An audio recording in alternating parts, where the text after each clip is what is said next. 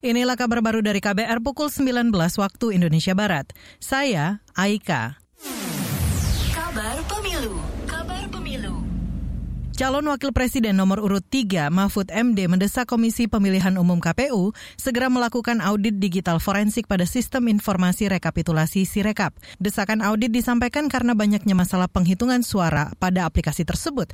Mahfud meminta audit digital forensik terhadap sistem IT KPU dilakukan tim independen bukan dari pemerintah. Karena kesalahannya tuh berulang-ulang sampai hari ini dan terjadi di berbagai tempat. Kalau kesalahannya dua atau tiga gitu, ini puluhan nih dan bervariasi. Oleh sebab itu audit itu menjadi penting. Bahwa nanti penghitungannya itu tetap berdasar C1 itu ya, bahwa itu nanti hasil akhirnya. Ya, itu nanti prosesnya biar di pengadilan MK soal hitung-hitungan C1 itu. Tapi eh, digitalnya ini kan bisa menjadi bagian dari masalah pemilu. Calon Wakil Presiden nomor urut 3 Mahfud MD khawatir jika KPU enggan menindaklanjuti rekomendasi tersebut, maka potensi kecurangan akan semakin marak dan sulit dibuktikan. Desakan audit Sirekap juga disampaikan Timnas Pemenangan Anies Baswedan Mohaimin Iskandar. Sementara itu anggota KPU RI BT Epsilon Idrus mengatakan sistem IT KPU sudah diaudit lembaga yang berwenang, namun KPU tidak menyebut lembaga yang dimaksud. Kita beralih, Kementerian Kesehatan merumuskan rencana aksi untuk mendukung percepatan eliminasi kanker leher rahim periode 2023-2030. Ketua Tim Kerja Penyakit Kanker di Kemenkes, Teresia Sandra Diahrati mengatakan, rencana aksi itu untuk meningkatkan layanan kesehatan, kesadaran masyarakat, penelitian, pengelolaan, dan kolaborasi sektor.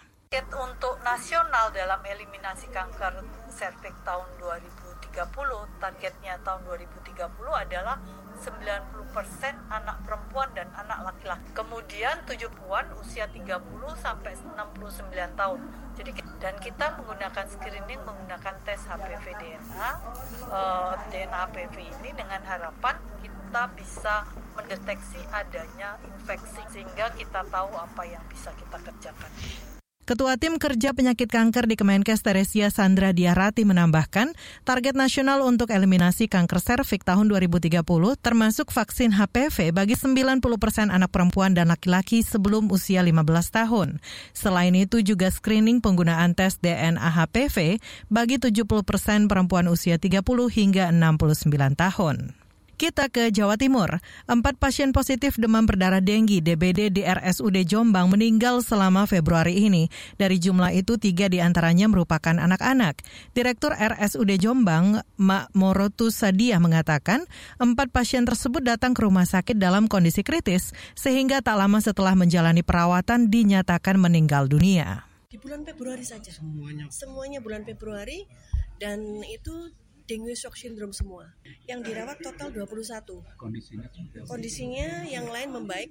Uh, ada 17 anak dan 4 dewasa.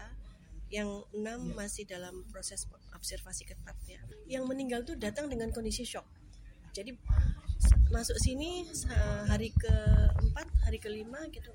Besoknya sudah meninggal, sorenya udah meninggal. Jadi udah dalam kondisi jelek. Saat ini ada 21 pasien positif DBD yang masih dirawat di RSUD Jombang. 6 di antaranya dalam kondisi kritis. Sementara PLT Kepala Dinas Kesehatan Kabupaten Jombang, Syaiful Anwar mengakui ada lonjakan kasus DBD selama tahun 2024 ini. Sejauh ini tercatat 300 lebih kasus infeksi virus denggi. Sementara pada tahun sebelumnya tercatat 130 kasus positif DBD. Inilah kabar baru dari KBR pukul 19 waktu Indonesia Barat. Saya Aika.